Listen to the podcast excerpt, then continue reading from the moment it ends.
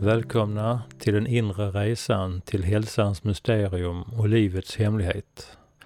Jag heter Lars Nilsson. Den här podcastserien handlar ju övergripande om hälsa och livskvalitet. Och detta är någonting som människan i alla tider har försökt påverka på ett eller annat sätt.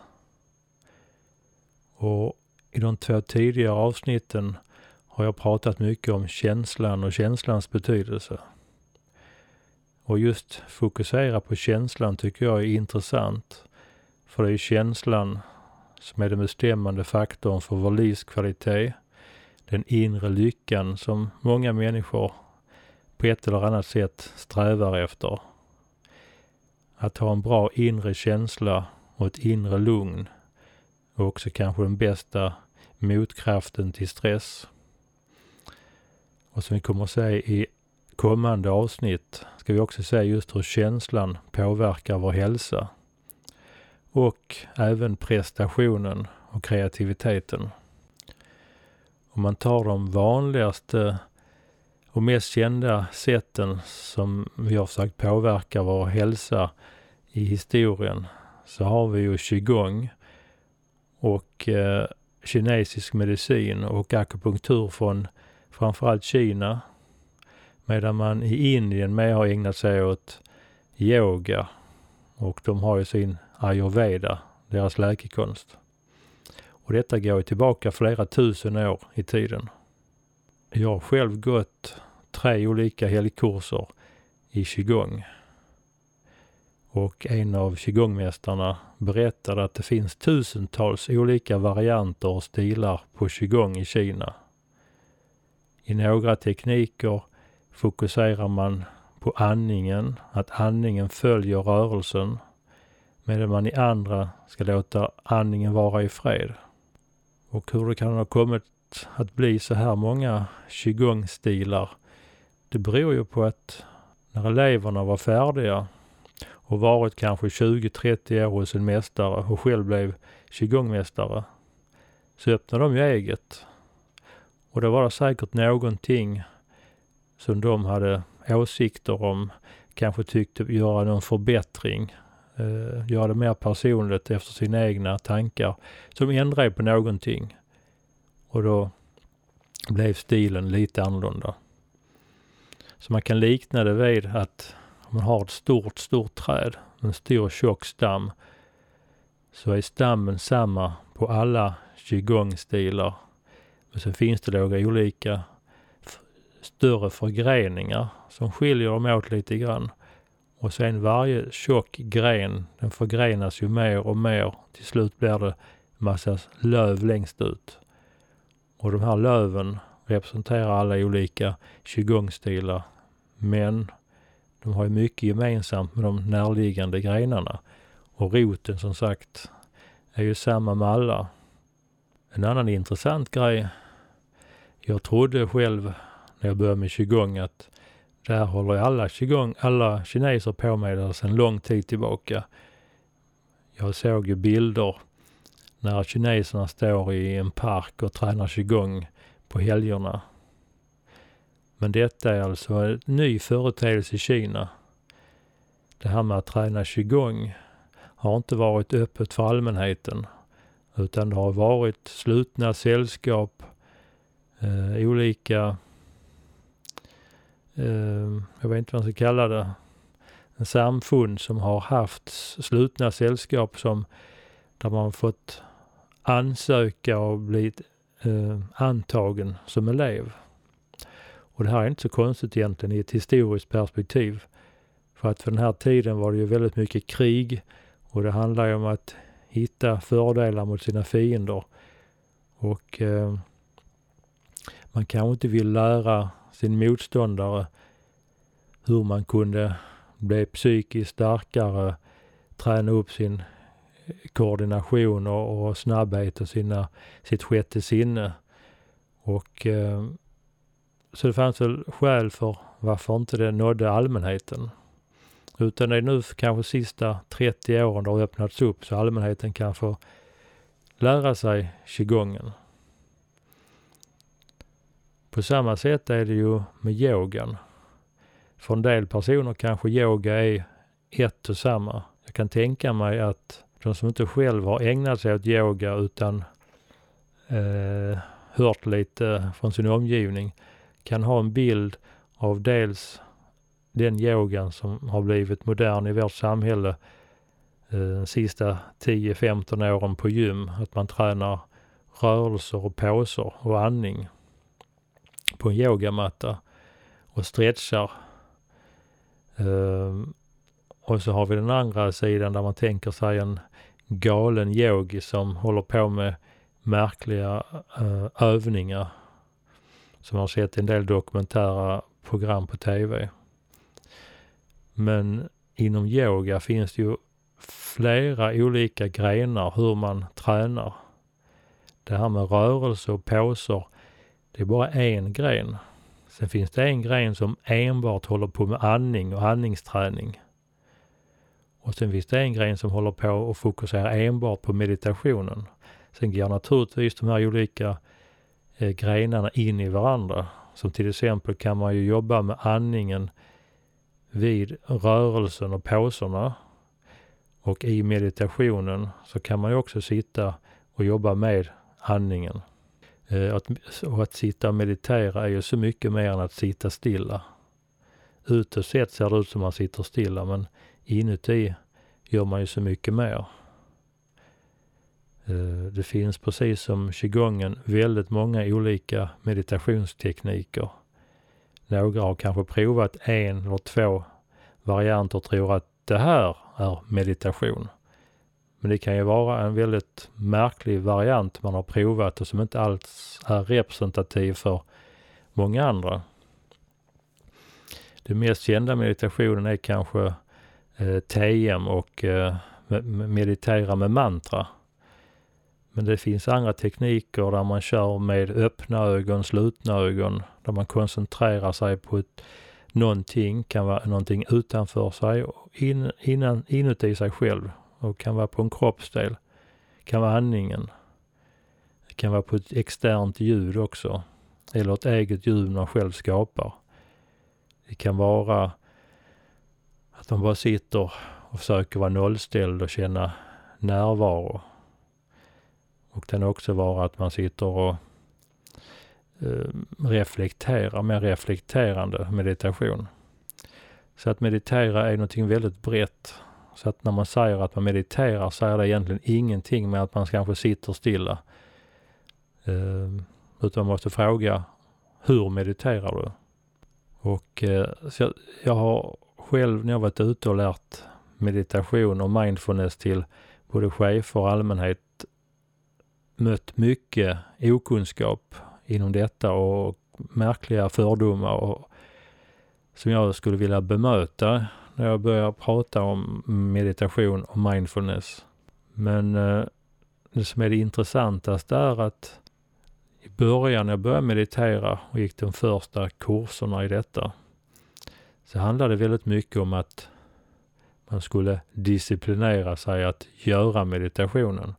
Man skulle sitta ner och träna de här 20 minuterna en, helst två gånger om dagen. Man sa ingenting hur man praktiskt skulle tillämpa någonting av detta i vardagen utan det var en process som långsamt flödade över. Så de erfarenheterna och det som hände i meditationen, det skulle långsamt förändra ens personlighet och sätt att fungera i vardagslivet. Och det här är ju en väldigt långsam process som kan vara. Eh, så därför var det intressant för mig att lära sig hur kan jag göra för att hantera stressen när den uppkommer, när den händer och till och med förebygga den.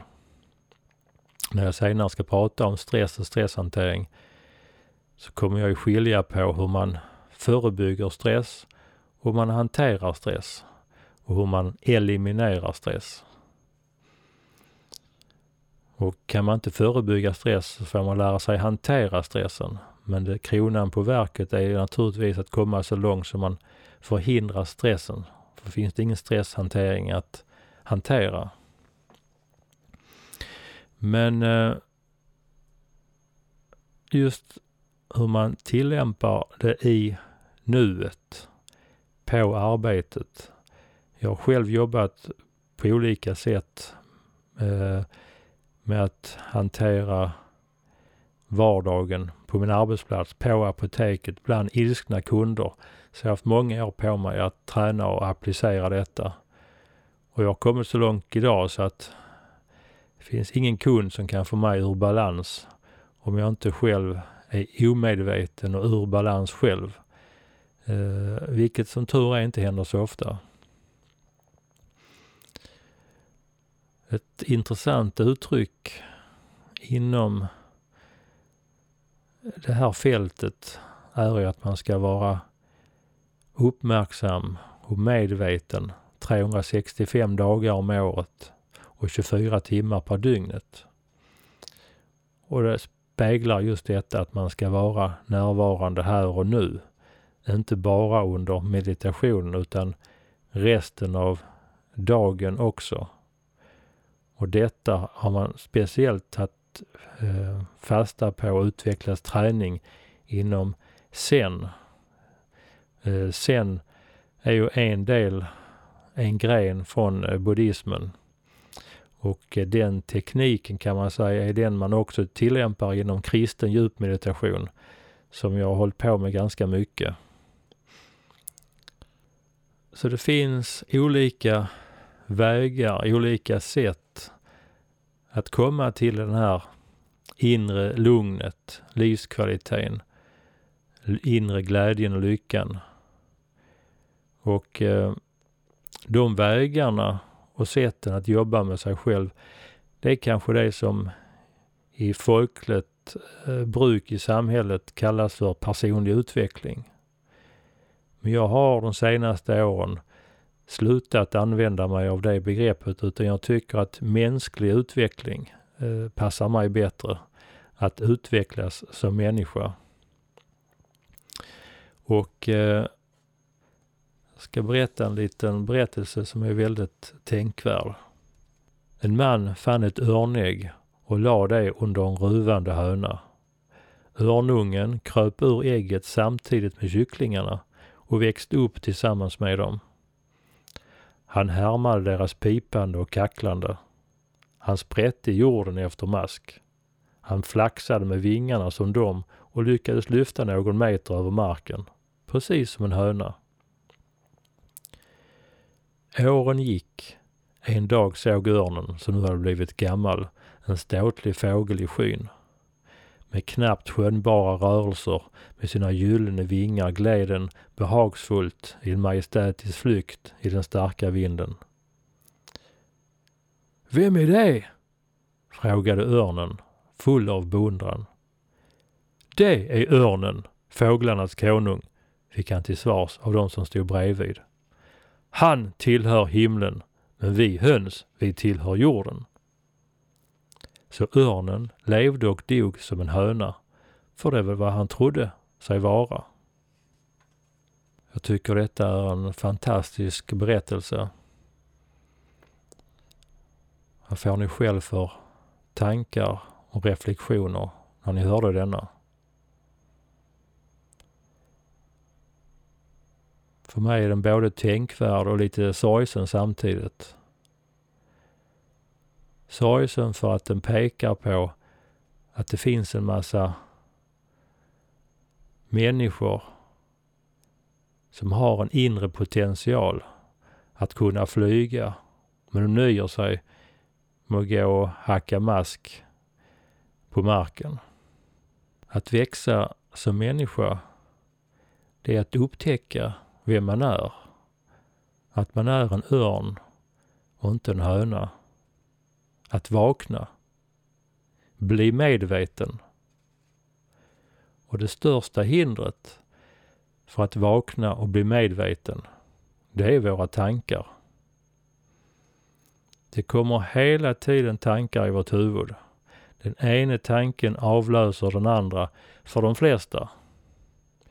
Någon har räknat ut att 8 till 12 gånger i minuten så skiftar vi uppmärksamhet och tänker en om det ena och sedan om någonting helt annat.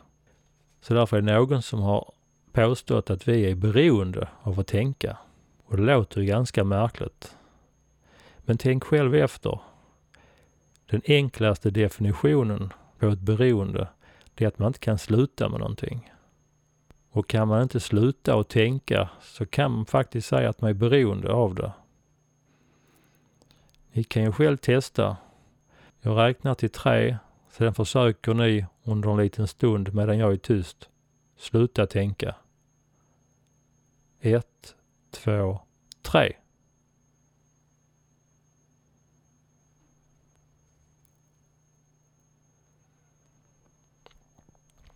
Den här övningen är inte så lätt. Ni kan gärna träna under en längre tid. Men de flesta människor klarar inte av det här.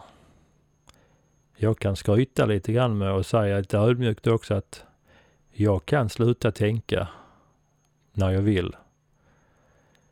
Men jag har också tränat på det här i 20 år. Inte för att jag vill säga att det tar så lång tid, men man behöver träna på det lite grann. Det är ingenting som går av sig själv kanske på en gång för de flesta. Så det snurrar hela tiden tankar omedvetet i huvudet. Och vad som händer då som är det olyckliga, det är att vi identifierar oss med de här och tror att det är våra tankar, att det är jag. Så att det som är så viktigt är att bryta den här identifikationen och inse att jag är inte mina tankar. Vårt intellekt är ju fantastiskt. Vi kan med hjälp av vårt intellekt analysera, planera, reflektera, eh, problemlösning och så vidare. Med samma intellekt använder vi också tankarna till att grubbla, oroa oss och älta saker. Så visar bara det här två sidor av samma mynt. Och det finns ett intressant eh, begrepp eller modell där man ser intellektet som ett verktyg. Och ett verktyg är någonting man använder när man behöver använda det. Till exempel en sax. Saxen har kanske sin plats i kökslådan eller på skrivbordet. När vi behöver klippa någonting så hämtar man saxen, använder saxen och lägger sedan tillbaka den.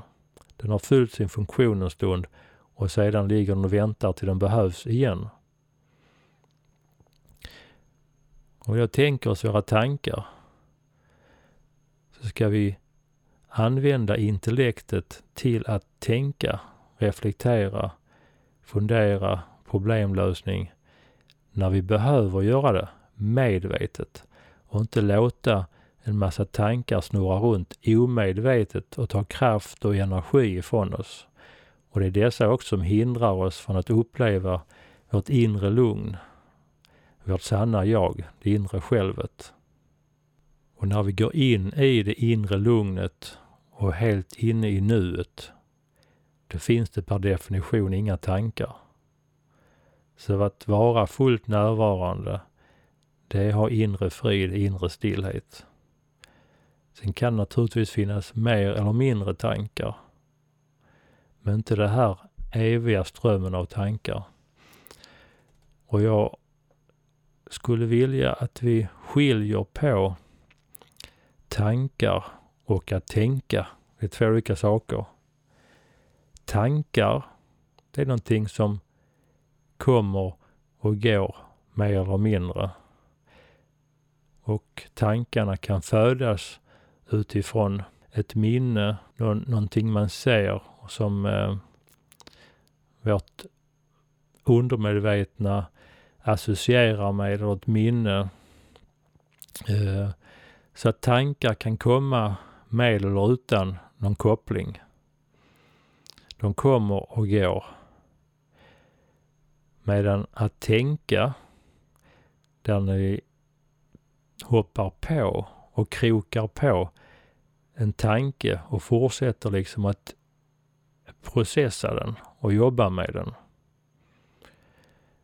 Och då kan man säga att en sak man behöver lära sig för att bli fri, för att vakna, det är att tankarna som kommer och går, de ska man inte identifiera sig med.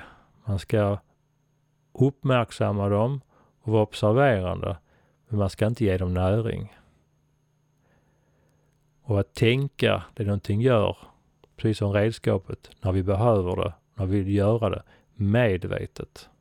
Och när man blir, klarar av att bryta identifikationen, då kommer det automatiskt också komma mycket mindre tankar. Så att växa som människa handlar det alltså också även om att bli fri. Bli fri från tankarna som snurrar i huvudet. Men just det jag pratar om nu, detta är någonting som inte ingår i vår kultur.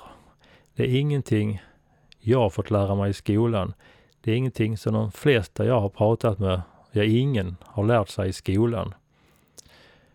Utan detta är någonting som tyvärr saknas i vår kultur och som vi därför måste börja prata om och sprida. Det är därför jag gör den här podcastserien. För jag vill att det här eh, ska sprida sig.